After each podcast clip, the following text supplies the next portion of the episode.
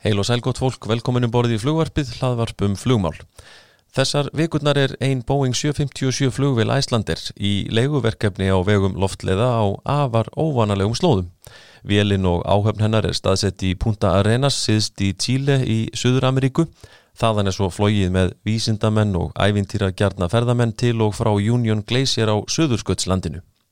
Í áhöfn vélarinnar á hverjum tíma eru þrýr flugmenn, fjórar flugfreyjur og tveir flugvirkjar. Verkefnið er eins og gefur að skilja mjög sérhæft og hefur þarfnast mikils undibúnings eins og varðandi ímis tæknileg mál, verklag, viðhaldsmál og þjálfun svo eitthvað sé nefnt. Við ætlum hér á eftir að spjalla við nokkra sem hafa komið að þessu sérstæða verkefni, þau Ágúst Håkonsson flugstjóra og verkefnastjóra, Rósu Björk Gunnarsdóttur flugfröyu og Arnar Þór Jóhansson flugvirkja. En öll eru þau nýkominn til landsins eftir langt úttalt í leiguflugi til og frá Suðursköldslandinu.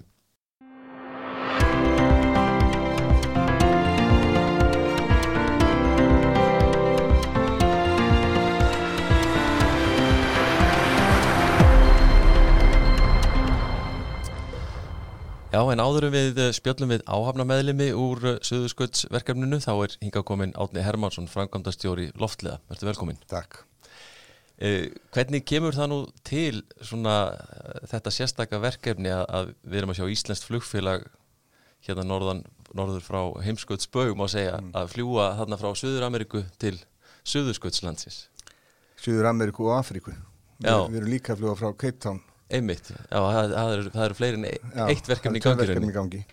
Þetta kom uppalega til okkar þannig að árið 2015 þá hefur ferðarskristofa sambandið okkur sem er skamstöðu ALE sem er maðursettur í Ástralíu, Bandaríkjónum og Breitlandi og spyr okkur hvort við treystum okkur í þetta. Þeir væntalega fenguður kontaktin okkar í gegnum Arctic Trucks, þeir hafði unni svolítið með þeim á Suðupólum og þeir eru búin að vera með starfsemið hann í mörg ár og við sagt, byrjum förum í fyrstu flugin árið 2015 november 2015 og þá stónum til að fara í nokkur flug en við erum álind þarna og, og það er ekki hægt að trista áallum og við, við, okkur tókst að fara í tvö flug í það skipti.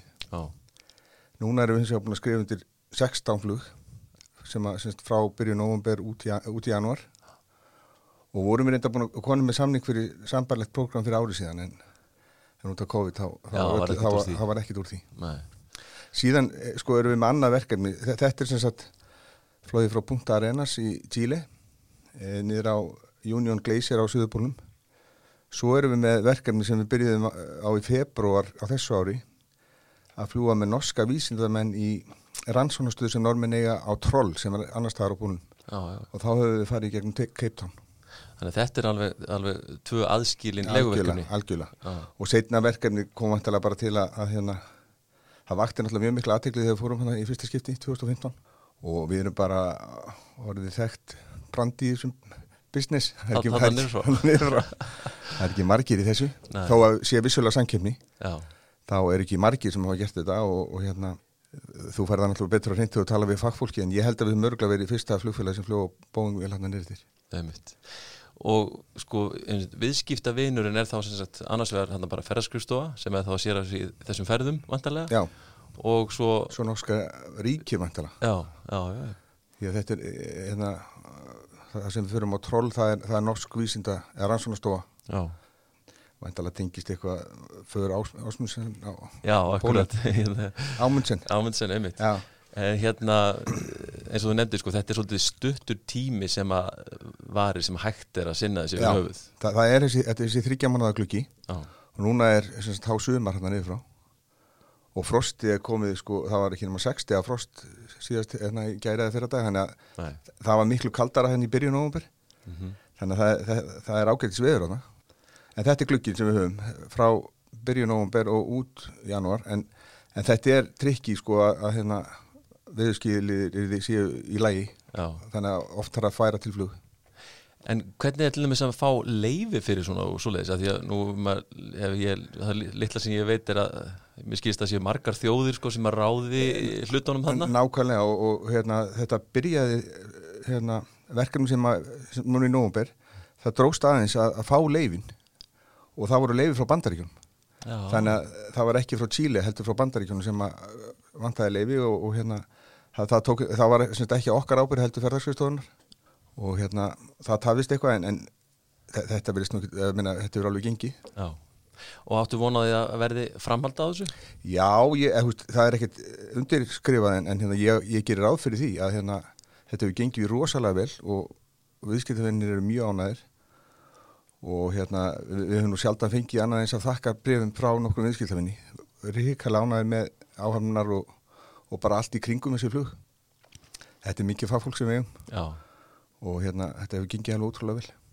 Og þetta er mikil, mikil breyting sko með það sem ég hef heyrt frá því sem var. Þetta var flóið áður bara á einhverjum herfélum eða einhverju slíku. Já og þeir sko þessi ár núna á milli þessum við vorum á 2015 mm. það, þetta er einhverja rúsneskar held Antonov vélar sem eru þannig og þeir eru endar meðsóleisi vélar líka. Mm -hmm. og hérna þetta er náttúrulega allt annað klassi en, en þegar við fórum hann á 2015 þá fórum við með hérna vél í svona VIP útgáfu eins og við erum með nokkrar og það var eiginlega bara oflott þegar fannst þetta ekki sko það var ómikið klassið því þetta fólk er hérna var vantið að fljúa í rúsneskum vélum hann nýrðir og hérna það er engin að leitast eftir svona lúksu sko Æ. þannig að það var eiginlega bara overkill sko ég skil, þannig að nú erum við með þetta svona einnig að þessar venjulegu velar Já. þetta eru bara æslandir velar og hérna mm. farþegarnir eru svona 40-50 hver skipti Já. Og er að gera semna hluti hérna niður frá. Til dæmis núna í síðustu viku þá fóru við flugum með tveggjadaga millibili því að það var stór hópur að fara að horfa sólmyrkla á Suðupólum Já, einmitt. Og hérna einhverjir er að fara að keppi í marathóni núna um miðjan desember og þetta er alveg ótrúlega hvað fólk er að gera hana og borga hann tala rosalega mikið fyrir. Já, þetta er ekki alveg venjulegur áfangastæður Nei Og þetta er samanskapið vantilega á þessum ástíma mjög áleiklegt fyrir æslandir að nýta tæki og mannskap á þessum svona Nákvæmlega, þetta er, tíma. Þetta er frábært verkefni fyrir okkur. Veist, eitt af hlutverkunum oflega er að jafna út ástíðasvefnuna hjá félaginu og, og verkefni yfir háveturinn er alltaf ítíðal. Og hérna, ég vona bara að þetta hafi verið framhald af þessu. Er mitt. Algjörlega, sammála því, svona öðru leiti, þú nefndir nú COVID á hann, sko, er, er búið að vera döft svona almennt yfir leigufluginu? Já, það, sko, það sem er að verða eitt stæsti liðurinn í okkar ekstri er flug á þessum VIP-flugulum. Við erum með, við erum með tvær vélar núna sem eru engungu í því og það er náttúrulega ekki búið að vera að fara í flug síðan bara í mars, við hættum í miðjuverkefni í mars 2020 Já. og það er endalist búið að vera að fresta að þetta byrja aftur, þetta er sko það er búið að selja þessi flug veist, þetta er allt uppselt fram í tíman en, en hérna, það er alltaf eitthvað nýtt komið upp og núna lítur út fyrir að fyrstu hefðbundu VIP-flugin sem takkar svona þrjá fjóra vikur byrjir hún í lókmars en við erum að fara eitthvað stutt svona flug á, á annari velni núna í byrjun janúar ná í fólknir á Maldív segur Jájú þannig að, þannig að það er svona kannski einhver tækifæri að opnast það eru, Já það eru tækifæri að opnast og mm. þetta var nórið mjög bjart þannig að það var nýjasti variant kom upp. Já. og vonandi er hann bara ekkit alvarlegur og, og hérna lífið fyrir aftur að þróast í rétt átt. E, Svona lokum, ert þú sjálfur búin að fara á söðu sköndi? Nei, það er, það er eitt starfsmæður hjá loftlegum búin að fara. Já. og þetta er algjörlega toppurinn á ennarsverðli Ég skal trúa því. Það, það, það stendur ekki til að við séum að fara aðra mikið en, en Berglind Guðmundsdóttir sem er vinnur hjá okkur og heldur utanum operationa fyrir okkar hún fekk að fara. Já það verður ekki verið leiðilegt en við heyrum meira af því hérna eftir. Ætlum að fá að heyra frá nokkrum úr áhöfn æslandir sem að vera að sinna þessu flugi hérna nýru frá. Takk hérlega fyrir að koma í flugvarpiðanni Ræðislega, takk.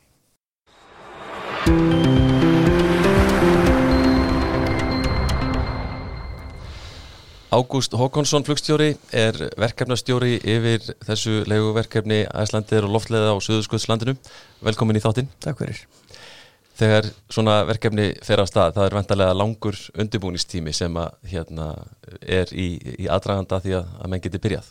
Já, já, hann er, er talin í nokkru mánuði með hver skipti. Það er, hefur verið svona frá fjórum upp í sjö mánuði, já. þessi skipti sem við hefum farið. Og þau voruð þeim ekkit að fara í fyrsta skipti núna í haust?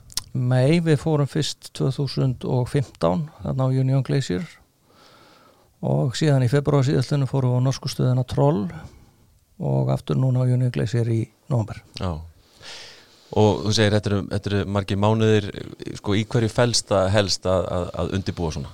Það fælst í að, að svona setja upp áallum hvernig við ætlum að vinna verkefni, hvernig við ætlum að raða mannskap í það og hvaða þjálfun við ætlum að hafa og hvaða leifinningar við gefum út til áhafna og þurfum að tryggja við höfum allar upplýsingar í, í uh, database í flugvelinni og í kortagrunnum og öðru slíku. Þetta hefur allt frekar langan undirbúinistíma Já, svo hefur nú sjálfsagt uh, COVID ekki hjálpað til? Nei, það þvældist umtalsvert fyrir okkur. Fyrsta lagi bara að komast að því hvaða leiðir við kemumst þarna niður eftir og, og hvað, hvaða, hvernig takmarkarendar væru auðveldastar við að eiga. Já Hvernig til dæmis hvað var þar flugmenn og slíkt, hvernig er, er þjálfun háttað uh, til að undirbúa þá fyrir svona verkefni?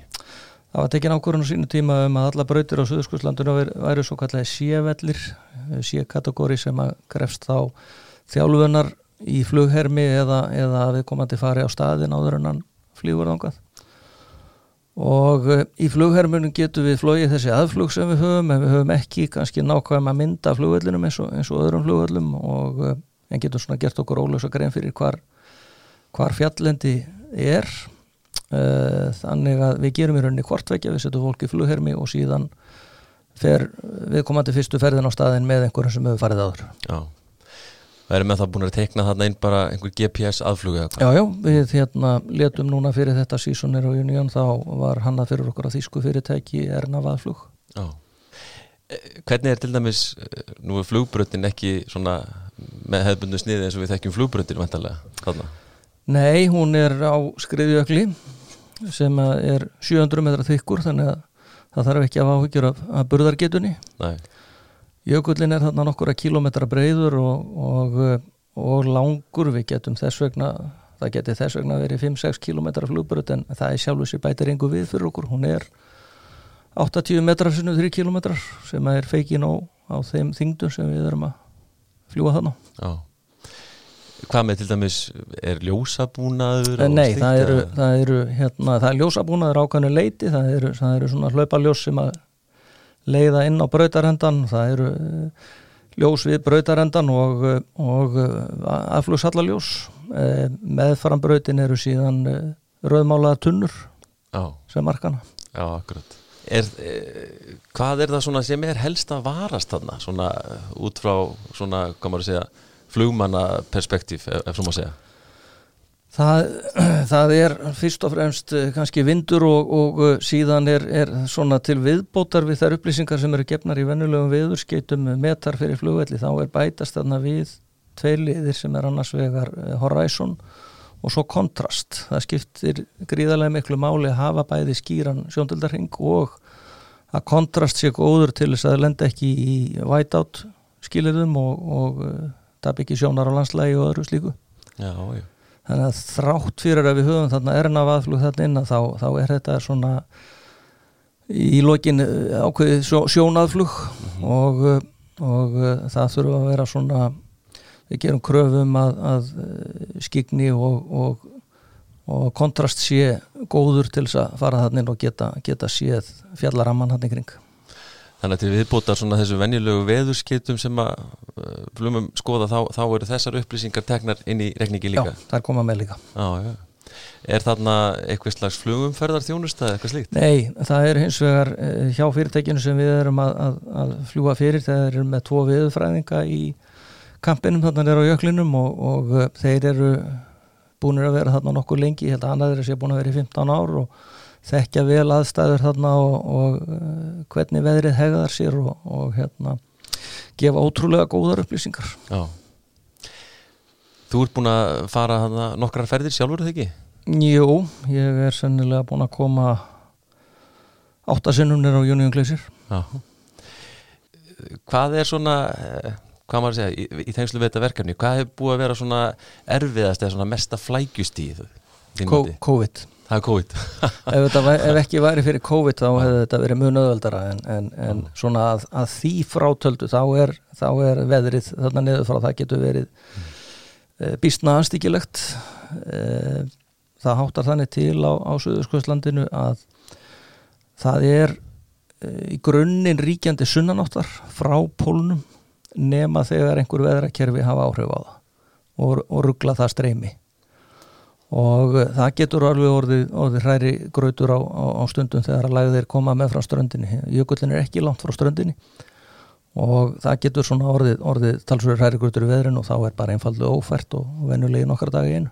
Já, og er það ekki svo að já, eins og núna í, þegar þú hafi verið þarna núna í haust að áhöfnin er aldrei mikið að býða svona og sæta færis bara til að komast. Já, já, þetta er, þetta er mikið þólumæðisverk það hérna við vorum komin hérna þetta skipti niður eftir annan november og, og fórum fyrsta flugi 14. það var reyndar ekki allt viður sem tafði, það voru leifisveitingar sem stóð á þarna í smá tíma. En uh, þegar leifið var komið þá voru þetta nú ekki nefnir einhverjir rúmið tveir sólarenga þá gotum við komast niður til En ef þú nefndir hérna, sko þeir farið niður þau þurfum alltaf að ferja vélina líka frá Íslandi hérna í upphafi verkefnis hvernig, hvernig gekk það fyrir sig? Það gekk alveg ljómandi vel við það, það hérna, COVID spilaði dálittlega rullu í því aftur því að ALE fyrirtæki sem við erum að fljúa fyrir þeir áttu erfitt með að koma starfsfólkinu sínu þarna neyrir þeir eru með uh, kringum hundra manna hundra manns sem að koma og vinna fyrir þá í þessa tryggja fjara mánuða törn og uh, þeir kom eiginlega allstað frá í heiminu þar á meðal var einn íslendingur í þetta skiptið og uh, fólki sem var að koma frá Evrópu og og jafnvel einhver staðar fjæra austanað það samnaðist til Keflavíkur Híðan flugum við til Nassau og Bahameim og þanga komið þeir sem komið gegnum Bandaríkin og síðan var haldið áfram suður úr til búntaðarinnas með millilendingu í Ekvator. Já, já.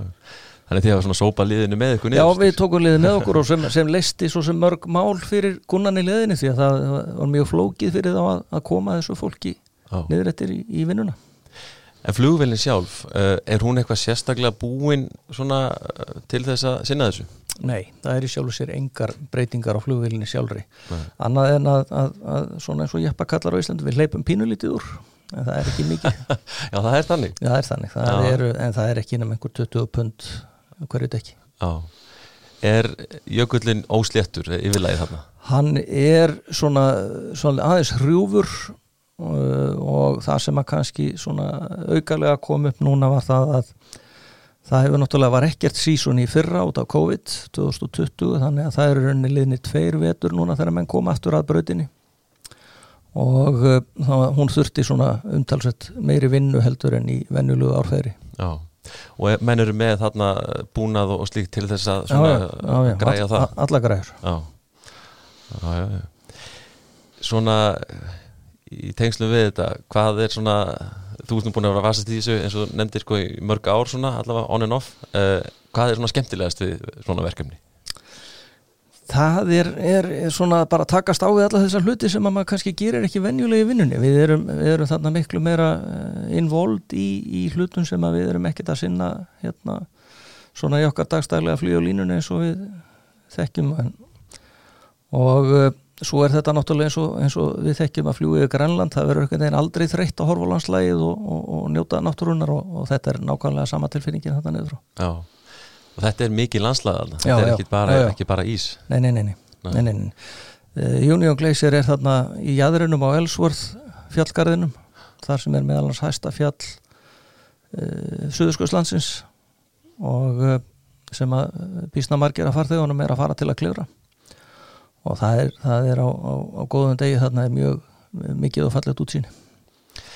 Það er bísna kaltanna e, menn eru vantilega ekki í sínu hefðbunda uniformið þarna svona Nei, nei það, hérna, það er það er því hálfráslögulegt það er kallt en það er þó ekki eins kallt þetta er svo sem ekki vera en, en, en vetradagur viða í heiminum og, og hérna á þessum ástíma sem er náttúrulega hásumar hérna niður frá er hittast í svona frá mínus 5 og niður í mínus 15 það fyrir ekkert mikið neðar en það og svo bara spurningum um vindkælingu kannski Svona. já það er náttúrulega þegar hnútarnir eru fannir að telja kannski dáltiðir orðnir kannski 30 hnútar það þar um bíla þá er, er vindkælingin orðin bísnar hressileg og, mm.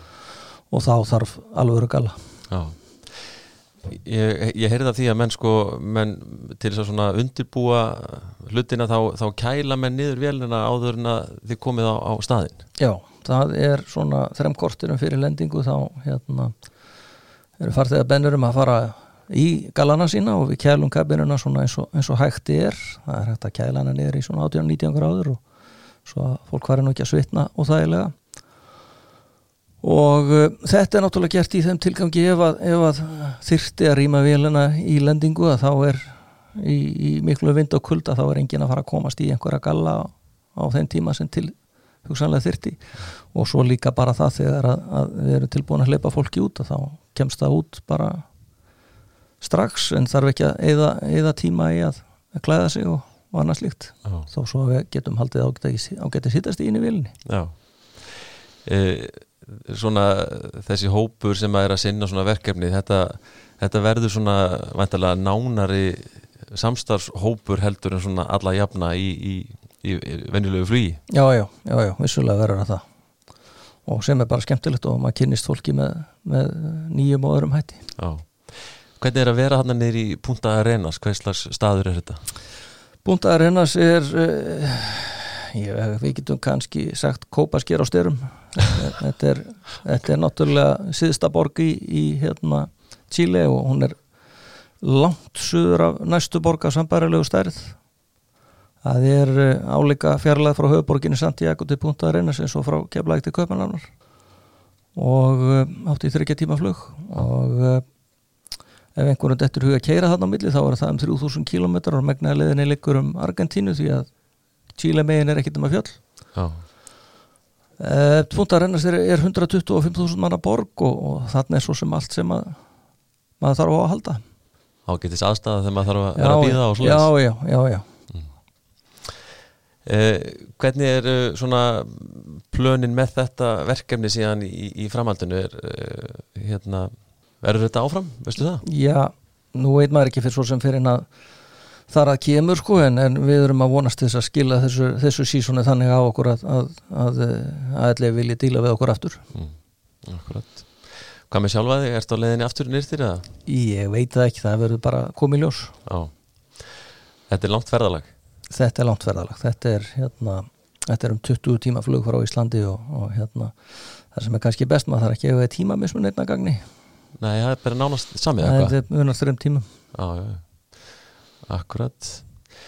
Ég, ég heyrði frá einum úr áhafna hópnum eh, svona gandast með það að hérna þú værir fann að stjórna jafnvel sko suður-ameríska hernu þannig því þeir væri fannir að hérna, leita til þín um, um ráð um, um hérna, flughatna nýrtir, er, er þetta rétt? e, Já, ég, svona, ég veit ekki alveg hvernig þetta kom til en, en, en uh, því að uh, flugherr Chile er svo sem búin að fljúa býstna lengi þetta niður eftir á, á Herkulusvélum en uh, það kom vist upp nýlega að, að, að fráfarandi fossetið þeirra sem á ekki eftir nema 2-3 mánuði í ennbætti vildi fara þarna niður eftir og, og uh, þeir vildi ekki bjóða hann upp á að fara í Herkules þannig að það var annarkot að, að fljúa með honum á Gulfstream G4 eða, eða 767 sem að er henni með eitt stykki af. Og þeir höfðu samband við mig á í gegnum, gegnum aðli og, og fóru með okkur eina ferð þarna eftir til þess að sjá og, og, og kynna sér og ég satt aðeins með þeim og, og var að gefa þeim upplýsingar og hérna, sem var nú bara mjög skemmtilegt en mér fannst þetta mjög spes að það þyrti Íslending til þess að segja þeim til, til með þetta. Já, já, Við, við gönduðust með það sko að þegar menn varu búin að koma þarna og, lenda á Íslum þá væru þeir orðnir Íslendingar Já, nákvæmlega.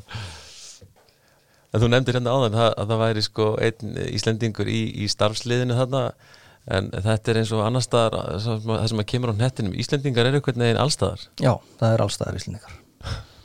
Og það er á söðupólunum líka. Já, já, nákvæmlega. Og við, við reyndar það var í, í eitt flugi sem við fórum niður þetta núna í um mánaðamótið nógumbi desember að, að það voru um 70 manns í flugvelinni þar voru 13 Íslendingar á höfninni meðtalinni ég hugsa að það hef ekkit þjóðabrót verið stærra um borð. Þetta er alveg magnað. Já, Já, þetta er mjög skemmtilegt og vonandi bara að hérna, að framhald verði á. Takk fyrir að koma og svona gefa fólki smá einsinn inn í þetta dæmi alls saman. Takk fyrir mig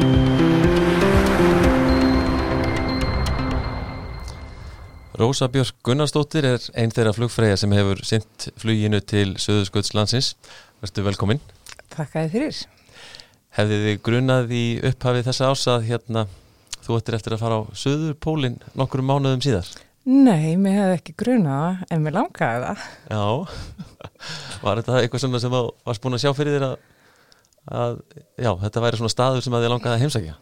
Sko, hérna, þegar hann fór að gjósa þannig í Fagradalsfjalli að þá saði ég á Twitter að það væri þrýr staðir sem ég langaði að heimsækja. Að það væri sem sagt gósið Suðskvöldlandið og hérna Tjernobyl. Ok, og mig grunaði ekki að ég myndi fá að skoða Suðskvöldslandið eða fara þangað. Næ Þannig að það eru tveir af þremur eru, eru að búa tikið þau bóks Já, það er glæsilegt. En þetta flug hérna nýrti, þetta er vantarlega all, allt öðruvísi heldur en það sem að þú veist við höfum hingað til. Já, þetta er alltaf verið vísi sko. Bara í framkvæmt og í, svo er þetta bara hinum einn á nettinum og það er allt öfugt. Akkurat. Já. E, Svona var langur aðdragandi að því þegar að, að þú veist, þú ferði í þetta þú veist, farið í einhverja þjálfun og svoleiðis? Já, við fengum að vita þetta svona með nokkra vikna fyrirvara. Og ég var mjög glöð þegar ég fekk símtalið frá Jenny um að ég mætti fara. Já, og síðan þurftum við að fara á svona pólanámskeið bara til þess að hérna, undirbú okkur ef við þurftum að nöðlenda eða rýma vélina. Þannig að við sátum svona pólanámskeið. Já. Er það þannig að það er mikil ásókn í að komast í þetta? Já, ég held að það hafi verið ansi margir sem sóttum Já. Ég var bara svo ótrúlega heppin. En hérna, þú nefndir að einmitt að verið svolítið aðdragandi en, en það voru, það síðan út af COVID þá dettur einn úr áhöfninni út bara á, á 11. stundu var á það ekki? 11. stundu sko við vorum náttúrulega bara búin að tala saman hérna áhefnin og undirbú okkur og, og svo kemur það bara í ljós steginum árum við áttum að fara að hérna, fyrsta freyjan okkar greindist með COVID, engin enginni en hún greindist í ákveð og það var rosa skellur sko fyrir alla en það náðist að þetta því því að hún Dilli, hún hoppaði í verkefnið bara með tíu klukkstunda fyrirvara. Já, og þetta eru fimm vikur sko. Fimm vikna út í vera fimm vegna útvera og hún ný komin frá Tenerife. Já, en við vorum rosalega heppin að fá hana með okkur. Hún er náttúrulega mikill reynslu bolti Já þetta er náttúrulega sjálf gefið og náttúrulega mér svo segir mikið vombriði fyrir viðkomandi vendarlega að þau þurfa að lendi þessu. Já, bara ömulegt En hérna, þið farið þarna í, í langt, langt flug einmitt til að ferja flugvelina niður til punta rennars. Hvað tekur svo við þegar þið komið þangað nýrstir? um, þegar við lendum þarna í punta er, þetta er sko, þetta er náttúrulega hinum einn á nettinum en þetta er svona svipari breytagráðu og Reykjavík þannig að það var svo aðtiklisvest að þegar við opnum dyrnar, vorum lent að þá bara svona tekur á móti okkur sko ekki ólíufnigur eins og er ofta á flugöllum heldur bara svona blóðbergsilmur. Var, þetta var um kvöld og þetta var eitthvað svo indislegt og sveitalegt. Og svo bara kerðum við beint upp á hótel og þurftum að fara í COVID-próf og urðum að vera í einangrun sem sagt þanga til við fengum niðurstóður því. Og einangrunin var þetta urðu tveir dagar Þið, þið þurft að fara í ansi, ansi mörg COVID-prófin svona í tengslum við þetta verkefni. Já, einmitt. þetta er svolítið flókið svona á COVID-tímum að framkvæma svona verkefni. Já, En við þurftum alltaf að testa okkur á þryggjadaga fresti og síðan alltaf hérna, morgun áðurum fórum í flug. Að þá sagt, tókum við COVID-próf. Og hvað, það, það var svolítið byggð náttúrulega eftir að fara hann að fyrstu ferð, hvað, hérna, hvað fann uh, fólk sér til dundurs að gera? Já, við náttúrulega vorum rosalega spennt að fara í þessa fyrstu ferð og vildum bara drífa þetta af og hérna, svo við getum líka flutt starffólki niður eftir og það getur byrjað að undirbúa fyrir farþegana. En það bara, við, flugklukkin þarf að vera fullkominn og, og flugminnindin voru í stöðu sambandi við þannig að veðurfræðinga og spáís og svona. En það var ekki þannig, við sem sagt fórum ekki í fyrsta flugi fyrir 14. novembers. Komum annan og fórum í fyrsta flugi 14. Mm. Og þá vorum við nú orðin einmitt óþreyfi full en okkur leittist aldrei þarna sko. Nei, Nei, nei, meiri sér ekki einangrunni. og hvað gáttu þið gert svona? Nú í einangrunni þá vorum við bara hérna, að senda neitt skilabóð á milli herbyggja og grínast og kynnast betur. Það var mjög gaman. Já.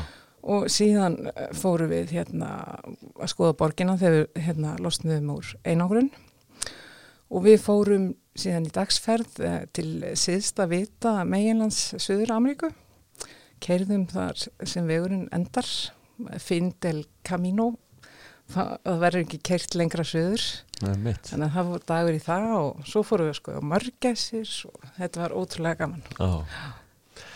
Þetta er vantarlega svona stór kostur við það að vera í vinnuferð og, og geta svona gert, gert einhverja svona skemmtilega hluti. Þetta er bara stórkostlegt tækifæri sko. Já, og þegar ég sá merkja sérnar bara í návi í sín náttúrulega umhverfi að bara, ég fór bara að gráta sko. En hérna fyrir svo í fyrstu ferðina hvernig var farþegar samsetningin þá til dæmis? Já, einmitt, við vorum alltaf búin að ferja þarna fólk frá Keflavík og Bahamas og þetta voru starfsmenn ALE og einna eigundum var þarna með okkur líka. Og í fyrstu ferðinu voru þetta þau sem fóru á hérna Suðskottslandið og við vorum farin að þekkja þetta aldrei vel. Já, búin að fara með þau hann allarleið frá Keflavík og til punkta og svo á Suðursköldslandið og hérna í næstu ferð voru þetta líka fleiri starfsmenn aðlega og það voru einhverjir gestir þá með. Og í þriðju ferðinni voru þetta gestir sem voru að fara að klífa fjöll og, og skoða pólinn og einhverju voru að fara í fallega stökk. Þetta voru svona algjörir skarpar já. í þessum fyrstu þremu ferðum sem við fórum sko. Mikli naglar. Er ekki svolítið spenna í loftinu svona? Eða hvað? Ég veist, það, það var bara svo mikið gleði Já. og sérstaklega í þessum fyrstu tveim ferðum sem að starfsmenninni voru með okkur. Þetta datt náttúrulega allt út í COVID. Þannig að það var alveg einn vetur sem datt út og það voru allir bara svo gladur og indislegir að fá að fara aftur að vinna. Og bara þetta voru eiginlega indislegustu farþegar sem við flóið með. Já. Og, og væntalega heilmikla ráðstafanir gerða til þess að vera ekki að fara með hérna, þessa fjandans veiru hana á, á þetta svæði? heldur betur, það var náttúrulega öll þessi COVID-test sem er búin að tala um hjá okkur áhefninni og síðan þegar við vorum að byrja velina þá hérna þurftu allir að stíga hún í kassa með sótreinsvögva til að vera ekki að bera með sér neina óværu þarna söður eftir. og svo þegar komum varum borð þá voru allir sprittaðir bak og fyrir og allir með grímu og við sáum um að halda velinni mjög hreitni, klósitunum og þess aftar og svo þurftu við svona hálftíma fyrir lendingu að spreyja alla velina með sterkur sótrensi spreyi. Já, já. Þannig að það hefur verið ímsar svona sér, sértækar ráðstafanir gerðar Já, einmitt, maður er ekki vanu þessu. Nei, En ég ætla að hérna, segja þér að í fjórðu ferðinni sem við fórum, við, við vorum hérna í rúma mánuð og fórum fjóraferðir og í fjórðu ferðinni að þá voru þar farþegar sem voru að fara hérna, að skoða sólmyrkvan sem var núna fjórða desember. Og að því ég hef búin að segja að voru svo miklu naglar í hinnum ferðinum svona ekta fjallagarpar sko. En þá hérna í fjórðu ferðinni þá var farþegar samsetningin svona svolítið öðruvísi og það var bara alls konar fólk. Já, já, svona venjulegt fólk og, og bara veikt fólk og fólk sem var að láta draum rætast um að sjá sólmyrkva á Suðursköldslandinu. einmitt Þegar þú komst þarna fyrst Mhm. og svona dýrðin opnast hvernig, þú veist, er, er þetta mikið landslag eða er þetta fyrst og fremst bara ísbreiða? Þetta er lefnilega, þetta er ísbreiða en það er svaka landslega þarna og það er fjöll þarna og þetta er, þetta er ofsalega fallegt Mm. og það er bara stórkoslegt að fljúa þarna yfir svona að fá aðeins að gæjast út um glukkan. En náttúrulega með, sko, eins og þegar við lendum, við lendum þarna á ís, ég veit ekki hvort að Ágúst var eitthvað búin að ræða það. mm aðeins, aðeins búin að koma inn á það að þið verið svolítið hérna Já, óslétt hann til að byrja með? Já, já, og við lendum þarna, ég er aftur í og, og veist, ég, ég hef aldrei lend á ís áður, þannig að ég bara, það var svona, emitt, það voru smálæti og, og sérstaklega þegar við fórum í loftið aftur og þá kom alveg svaka titringur og læti og ég bara, já, ok, þetta er ekki malbyggu við flugbrödd, en ég held þetta væri bara eðlilegt. En svo kom í ljósa að það þurfti að slétta brautina betur. Við vorum náttúrulega fyrst að farþega velin til að lenda þannig í tvö ár. Og svo var það gert og, og hérna, næstu þrjú, þrjú flugtök og, og lendingar eru bara mjög ljúar. Já, og þarna sko, hérna gangi þið náttúrulega líka bara í, í öll verk því að það er ekki eins og þið bara horfið á einhverja aðra að koma á afferma eða slíkt og Nei, þið, þið bara nei, nei. að gert Við- það sem það þarf að gera bara Já, já, já. Var það ekki bara- svolítið skemmtilegt líka? Jú, það bara Gíða Sól var komin þarna í kuldagalan og, og hérna var að taka þátt í hérna að afferma velina. Þetta voru náttúrulega alls konar vistir og sveppokar og dínur og við mynduðum svona keðju, köstuðum á milli og svo var það á svona skíðavagna Já. og þetta var ógeðslega gaman og, og náttúrulega ekki svona hefbundið í, í sko verklýsingu flugfræja og þjóna að vera að vappa í kringum flugverðina og gera og græja þessa hluti Emmitt, en það, veist, það er svo gaman að fá tækifæri til að prófa eitthvað nýtt mm -hmm. er, og, og svona kynnast líka bara eins og í þessari ferð, þú veist, maður fekk að kynnast í, þú veist, hvað Addi og Steini flugvirkjarnir voru að gera, veist, þeir voru að segja okkur frá því og flugmyndin voru að segja okkur frá því þegar þeir voru sambandi við, viðfræðingarna og maður svona kynntist þessu meira heldur en í þessu venjulega áætlunaflugi Það voru líka ymsar svona já, hvað maður að segja það var ymsar svona ymslegt sérstætt líka fyrir ykkur áöfnin að hérna Ágúst nefndi það til dæmis að þú veist að vélinni kælt niður áður en að þið komið og svona. Þannig að þið hafi ekki verið í hérna þessum hefðbundnu flugfræðibúningum og svo leiðis Aldrei ekki, uh, já, það var mjög hérna skemmtilegt, sérstaklega já, að, að hérna fara úr nælonsokaböksunum og pilsunum. Og svona hálf tíma fyrir lendingu og þá byrjaði að kæla velina og, og þá skiptum við um fött, fórum í ullarföttin og kuldagallan og það var mjög gaman. Binda á sig gönguskona og, Já, binda á sig gönguskona og bera á sig sólvörn og setja upp sólkleru og, og kuldakrem sem glemdist reyndar í fyrstu ferðinni. Já, ok. Hafði það slæm áhrif að? Það var rosalega kallt hann í fyrstu ferðinni. Það var alveg, þú veist, meir en mínus 30 stöða frost og við vorum svo uppnuminn að koma þarna stíga á landa. Stoppiðum í svona tvo tíma mm og vorum ferja farangurinn út úr velinni og, og hérna vorum, eða ég var bara úti eins lengi og ég gæt sko. Og svo daginn eftir fann ég alveg fyrir því andleitinu, ég var að vakna öll flekkott Já, það. Já, tveir tímar sko. En Já. ég fekk ekki skirpjú og ekki kull Þannig að það var sloppið til. Já. Já, ég skal trúa því að koma þannig fyrsta skipti lítur að vera svakalega merkilega reynsla. Já, það bara ólýsanlegt sko mm -hmm. um, Hvað er þetta langt flug hérna neyrir? Þetta eru rúmi fjóri tíma neyrir eftir og aðeins steyttur alltaf að leðinni tilbaka Og þú sagði mig frá því hérna áðurinn við settist nú hérna niður að, að maðurinn hefði orðið svolítið nervus heima við að, við að, við að fylgja þér eftir á, á flætreitar Já, einmitt, ég hérna Hvað gerðist þar? Sáðunum endilega hlaða niður þessu appi, flætratar. Hann Já. hefur aldrei verið að fylgjast með mér á þessu áður. Nei. En hérna, og hann hlóð þessu niður og alltaf að fylgjast með ferðinni söður. Og síðan þegar við erum sagt, komin í lofti frá búnta og erum að byrja að fara þarna yfir dreiksundið sem að þykir vist algjörst veðravíti fyrir skip en hérna ekki fyrir flugvelar, við fljúum greinilega yfir veðrinu og hann sem sagt er að fylgjast með mér og svo allt í hennu sér hann að hérna vélinn snýst og svo hverfur hún. Úf. og hann fekk hann fekk sjokk. Og hérna fyrir að googla þetta og, og finnur þá út því að þetta er bara þetta er svo lengst í burstu að það er engin ratar hérna til að nema fyrir flætratar eins og ég sagði þetta er svona Findel Camino fyrir flætratar en hann var rosalega gladur þegar hann sá okkur koma tilbaka Já, beðið alveg stjárnum við töluna Já, daldið Já, ég skal trúa því. En hérna, þið er hérna niður frá í náttúrulega einhverja fimm vikur og hvernig gekk síðan ferðarlægið heim? Það er vantilega heldur ekkit einfalt mál. Nei, við þurftum að fljúa heim við fórum í þrjá að hálfan tíma upp til Santiago og þar skiptum við vel og fórum hérna til New York og það voru tíu tímar og það flugið var óendanlegt fannst mér, mér er mjög erfitt að vera farþegi. Okay. og þegar voru þarna fimm tímar liðnir af tíu tíma fluginu til New York að þá langaði mig helst bara að einhver myndi lóa mér sko, ég var á að deyja. Það fer mér mun betur að vera vinnandi heldur en farþegi. Ég skil. En við stoppum svo í New York í einan nótt og svo heldum við áfram heim. Já. Já, og það gekk bara vel þetta er nú vært alveg svolítið öðruvísi að vera svona lengi með vinnufélagunum í, í einu. Eh, þetta ekki dýrmætur vin, vinskapur sem að myndast? Það, Jú, það er það, þetta er mjög sérstakt. Við vorum hann í fimm vikur saman á hverjum einasta degi.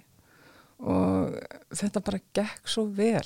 Og það myndaðist bara eitthvað svo mikið hlýhugur og, og góð vinota mm. sem áöruglega eftir að bara fylgja okkur það sem eftir er. Það er mitt þú nefndir líka sko hérna við mig varðandi það nú oft í, í flugvélum sko ansi mikið rusl sem að fellur til hvernig, Jú, jú. hérna, hvernig það er vantar ekkit verið að losa sig við það á, á suðurskautinu eða hvað Nei, það, það er það ekki. Það, hérna, það þarf allt að fara tilbaka, sko.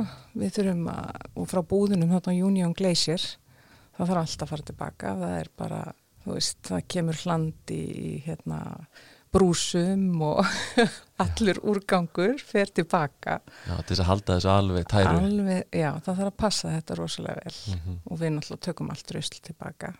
og hvernig hérna er þetta bara sett í, í faranguslestarnar eða hvað? Já, já, það Já. er það. Það er þessu bara hlaðið. Já, hérna. En talandi um rusl, sko, ég verði eiginlega komið að sagt, þegar við vorum að fljúa frá Bahamas til punta, að þá fengum við þær upplýsingar að við þurftum að flokka allt rusl ekstra vel.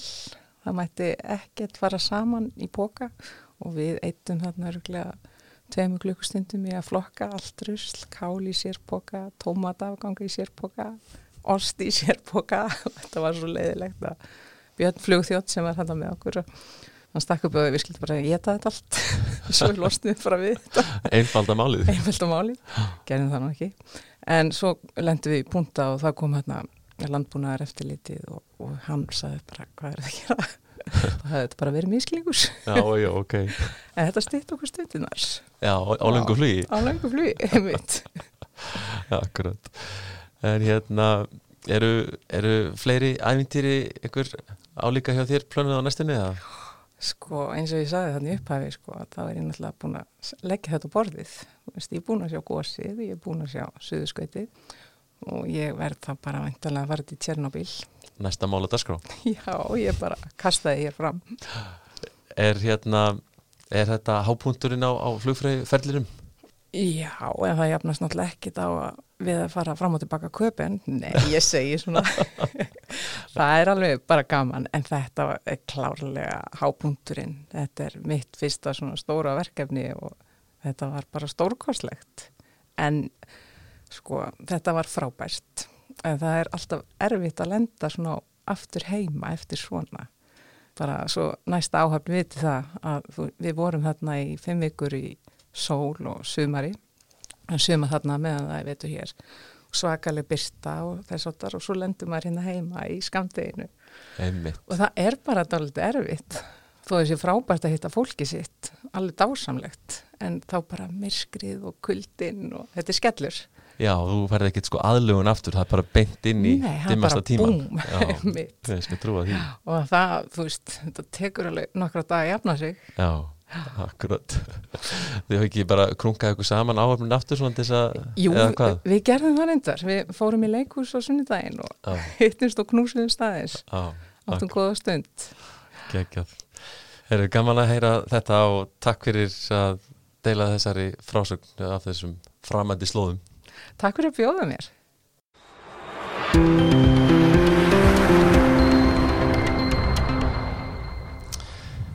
Og eh, Arnar Þór Jóhansson, flugvirki, er komin til okkar til að segja okkur frá, frá sínum parti í þessu ævintýri á Suðurskotinu. Velkomin í þáttinn. Já, kæra þykir, gaman að vera hér. Hérna, þetta er nú svona kannski uh, það svið svona sem að er, er mörgum hulið, hvað, hvað flugvirkjar er að gera í svona, en svo við byrjum nú einhvers staðar, sko, undirbúningu til dæmis ykkar fyrir svona, svona verkefni, er hann mikill og langur eða?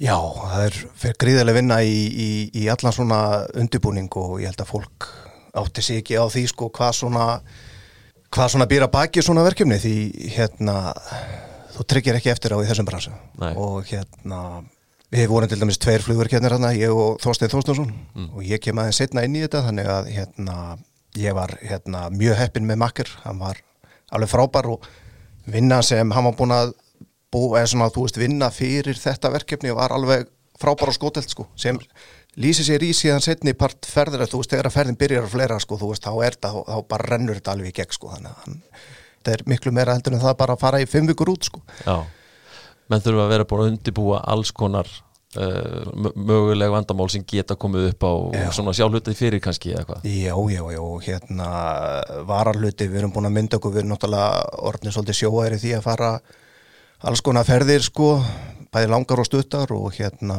erum til dæmis búin að koma okkur upp svona lista af því sem við verðum að vera með í varahlutum og þetta getur aldrei tryggt allt en þetta er bara svona ólíka reynslan sem við erum búin að mynda bara gegnum tíðina erum við, er við komin í svona það fer alveg griðuleg tími og, og marga dildi sem kom að þessu hérna innan, innan viðastillina og, og þá er með eins og þú segir búin að búa til svona eitthvað lista yfir svona hvað, hvað líklegast er að menn þurfa á að halda. Já, það er svona það fer svona áhættum að í gang skilur þú veist, það fer eftir hvert ert að fara og bara svona eins og uh, ef þú ert að fljúa mikið til dæmis þess að þú þart uh, á ratarnum að halda skiluru, mm -hmm. þú veist, í, út af, af viðfæri og fleira sko, þá er náttúrulega mónutur og svolítið á það eða eins og í þessu þá hérna vildum við alls, alls ekki að AP-uð myndi feila sko þarna á ísnum, Nei. það er ekki mikið þarna til þess að uh, starta rocknum í gang sko. Nei, þú voru að hafa ljósavél sem virkar. Heldur betur sko, þannig að hérna og það er ekkert sipas í svona sko, þannig að þú veist, þetta er, þetta er svona vissi hlutir sem hérna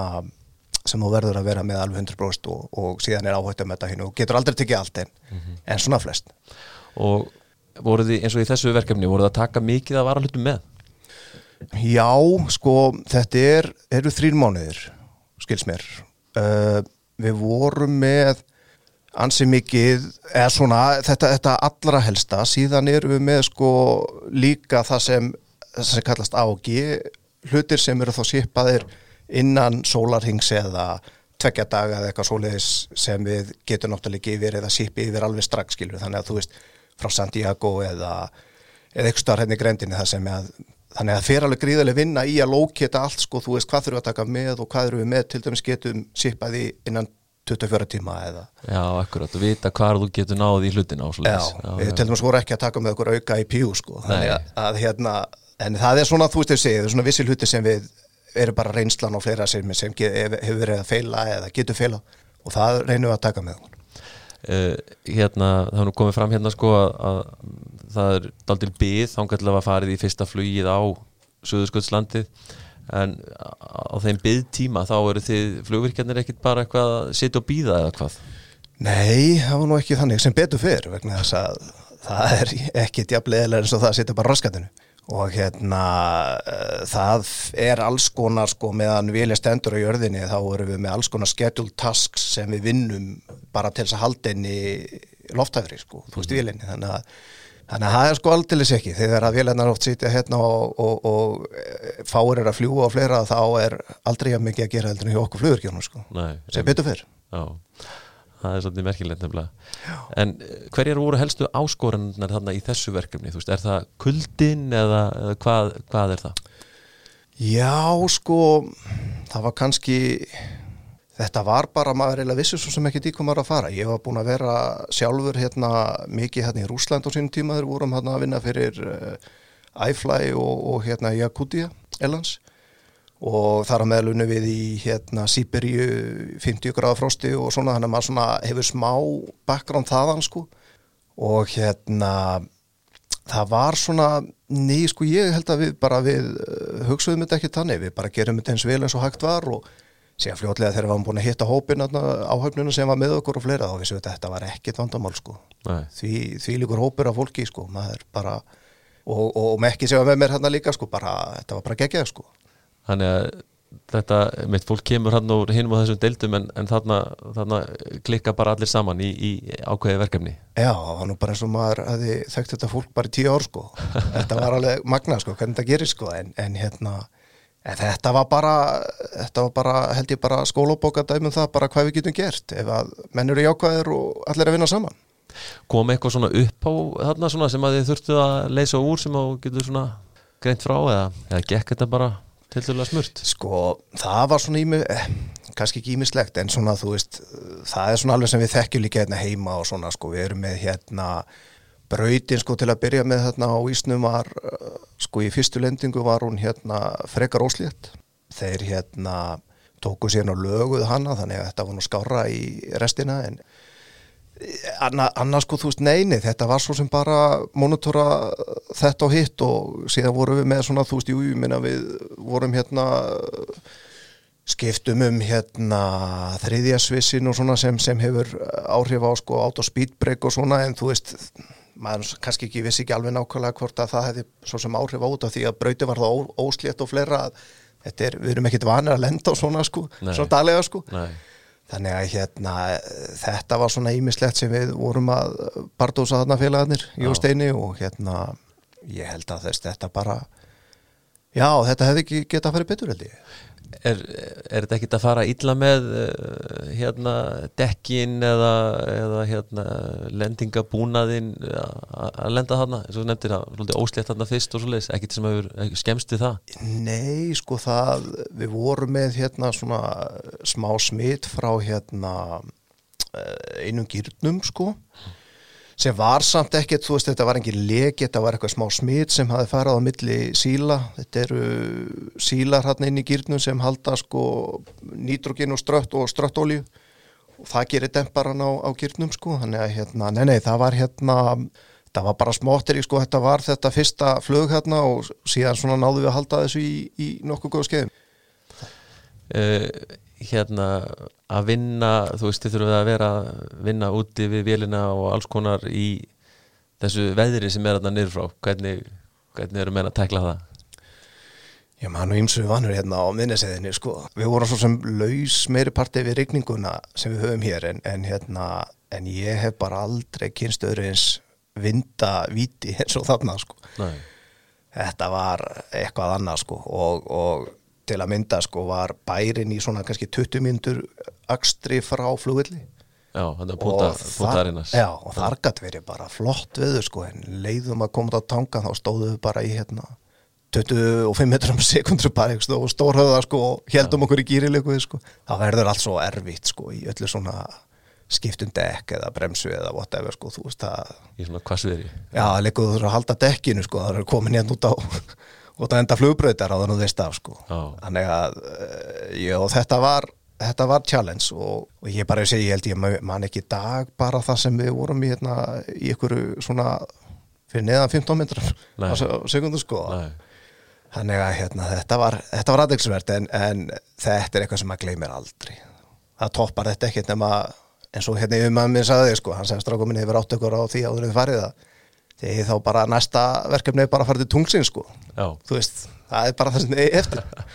það er búið að haka við allt hérna Eldur betur. já, hérna megin Já.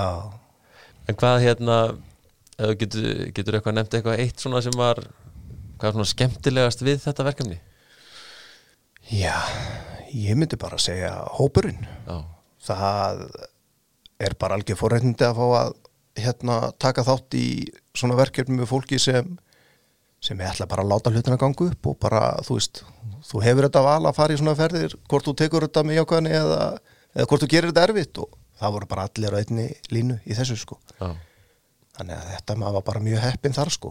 og þá verður þetta skemmtilegt Heldur betur. Þetta var, eins og sást hérna rétt á þér, ég hitt hann að Rósu hérna sem var hérna undan. Akkurat Eh, Þetta var helviti gaman. En svona væntalega sett töluvert svona strik í reikningin þessi, þessi COVID-mál öll og svoleiðis. Já. en svona þar fyrir utan var eitthvað svona sem að var uh, og hugsa til þess hvað svona erfiðast í þessu?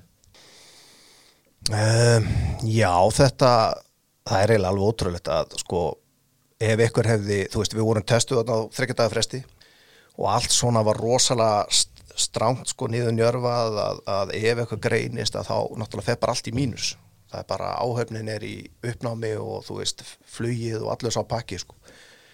En sko lukkulega þá bara gekk þetta bara eins vel eins og hægt var. Það var bara, sí, það var enginn sem, sem lendi inn einu vissinni þarna. Þannig og, og líka sko, þú veist að það, sko, í svona operation að þá hérna skiptir svo gríðalegu máli að eins og til dæmis með hérna handlingun og svona, við sáum um hérna, það voru langi dagar hjá okkur stundum að við þurftum að sjá um hérna fjúlinguna eh, sagt hérna hreinsununa, því sko í COVID sagt hjá þeim verður að sörta vélan út úr hreinsun, þannig að þú þurftur að fá sörta vélan og meinti fara á pólinn og hérna, eða skautið. Og það tók eitthvað fjóra tíma bara að reynsa sko Já, já, til að fá þetta sört sko. Eitthvað vottor frá já, vottor frá, frá þeim aðila þannig að véli mætti fara. Já, já, og ofan í það að þá hérna voru með hlæðsluna líka og svona þú veist þannig að þetta voru dagurinn áður en við fórum og síðan flugdagurinn var mjög langi dagar hjá okkur. Við mættum aðeins fyrir og fórum aðeins setna þannig að þetta var svona já, þetta voru svona þessi tvei dagar voru svolítið, svolítið svona töff. Já, og sko og í svona verkefni þá eru þá eru flugvirkjar að ekkit endilega bara að sinna kannski akkurat flugvirkjavinnu, það er bara að gengi í þau störf sem þarf að gera, er það ekki? Jú, heldur betur og við erum ekki, þetta er kannski ekki einn allt eðlistlært hjá okkur flugurgjónum sko, þú veist, í þessari sko krjúmenningu, því við erum ekkit svona vanalega, erum við ekkit þar inni sko það er manni með þetta, við vorum hérna þegar við tókum einu svona heimsferði hérna, held að það var 2016 minnum að þá hérna var maður að skipta um dekk og bremsu og einum hálfum til setna var maður að þess að brauðið sko inn í kapinu sko Já, þú veist, þannig að að og sennilegast erfiðasti partunum við mig var það að sörfa þess að brauðið sko Já, þess að hérna þetta við hérna við vitum svona allir hvað við höfum að gera myndrannslega síðan en síðan eru við bara ekkert æfðir eða inn í þessari flóru sko þú veist eins og þú veist þessna krjú menningu sko þannig að hérna þetta er kannski ekki auðvilt fyrir alla en, en bara gekk 110% það var ekkert vesinn sko Hvað með sjálfa þig, er, er, ertu að fara aftur út að nýrtir eða? Nei, ég held ekki. Eða, ég reynda sko það var hérna annað sem átt að fara nýrði þannig að hérna, ég fekk símtal hérna svona stutt fyrir ferðina viku fyrir minni, minni mig sko. Þannig að ég hef alltaf átt erfitt með að segja nei en aldrei segja aldrei en ég held ekki. Ég ætla líka að leifa öðrum að, að hérna njóta þess vegna þess að þetta að koma þarna niðrittir ég hérna lofaði með því að ekkert að vera búin að lesa um þetta eða ekkert að hérna skoða myndbönd en eða svoleiðis heldur bara að fara og síðan bara upplifa og þetta var ég, þetta er bara mm, það er ekki hægt að lýsa þessu sko, geggja það sko. sennilegast er það þannig að maður aldrei að koma að náttúr og það er kannski sem sittur í mann að þú veist maður alveg náðu 100% nýtu úr þessu að upplifa þetta. Upplifa og njóta bara Verður ekki, verður ekki svona hvað maður að segja leiðinlega venjulegt að fara síðan bara í vinnuna upp á minnistiði Já, það verður allan að minna logn en eða það er erfitt að segja það sko. Nei, ég segi hérna minni vindur segi. Já, minni vindur já. minni vindur Já. og hérna maður tekur það bara í nei, nei, þetta þetta venst, þú veist maður þarf að ná sér nýra á jörðina og síðan bara heldur lífa áfram og, og hérna maður verður jafnskítugur og drullugur og í rókinu og rigningunni hérna á minniseðinni eins og hvar annar staðar hann Það var hérna langt ferðalag hjá okkur heim og, og við vorum nú hérna samferðað hérna síðasta partinn frá, frá New York og Já. til Keflavíkur. Og uh, ég gæti nú ekki komist hjá því að taka eftir því að á nú senkun á flugjuna þess frá New York að út af einhverju, einhverju bilun, smávægilegri bilun. En, en tók eftir því að þú, þú hljófst til og skelltir þér í vesti og varst komin átna út undir vanga eitthvað að gera og græja til þess að koma vélina stað. Líka varst að ferðast heim. Já, mér langaði heim.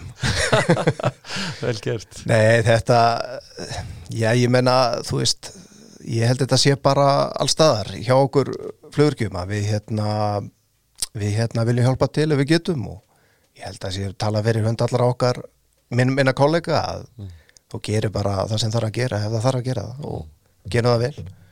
Maður er alltaf til dags í þessu. Búin og búin er maður á sveðinu heldur betur. Já, og þarna, þarna allavega hafði það góð áhrif vélum fór á stað skömmu senna Jú, það var hérna aðeins list úr flækjunni og ekki það að þessi stráka voru flottir, þeir voru með þetta en hérna þetta var hérna smá atriði sem við voru eitthvað að spá í hvort þetta öruvísi og, og það var hérna, sem þú gæst hjálpa með? Já, það var bara þannig það var hérna, listist öðlega og við komum glóttið og náum að græða. Já.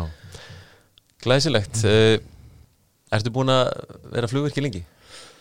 Ég lærði 99 í Tulsa Oklahoma og uh, kláraði 2001 byrjaði hjá Æslandi er 2003-04 þannig að þetta er aðsla í 20 ár. Og búin að vera í margskonar leguverkefnum Já, á þessu ferli? Já, búin að taka flest allt og þetta var senasta heimsálvan sem ég átti eftir að taka þannig að klikkaði bóksið. Mm kannski svo heimsálva sem flestir eiga eftir að taka. En Um, nei og síðan bara já, það er hérna maður hefur verið það heppin gegnum lífið að, að hérna eiga kost á því að samina áhugamál og flugið og að starfa þetta er bara forröndi það er hérna, þetta er bara ótrúlega, já, ótrúlega heppin með þessi verkin sem ég hef verið að fá og, og hérna maður ykkur alltaf til þegar að bóðu best og, og hérna hefur skapað hana þá mörg skemmtileg og, og góð verkefni. Já. Aldrei leðilegt í vinnunni? Nei, það er svolítið undir þér komið hvort það verður skilur þannig að hérna ég hef alveg ákveðið það gegnum tíðina er það að hafa þetta skemmtileg Já, það er gert. Arna Þór, takk hérlega fyrir komuna í flugvarpið og segja okkur aðeins frá þessum, þessari merkilegu reynslu þannig nýrfrá Takk fyrir mig. Og þar með sláum við botninni í þennan þáttum uh, ævintýralegt flugverkefni Æslandir og loftleiða á Suðursköldslandið Þakka öllum viðmælandum kellega fyrir þeirra skemmtilegu frásagnir. Þar til næst, góða stundir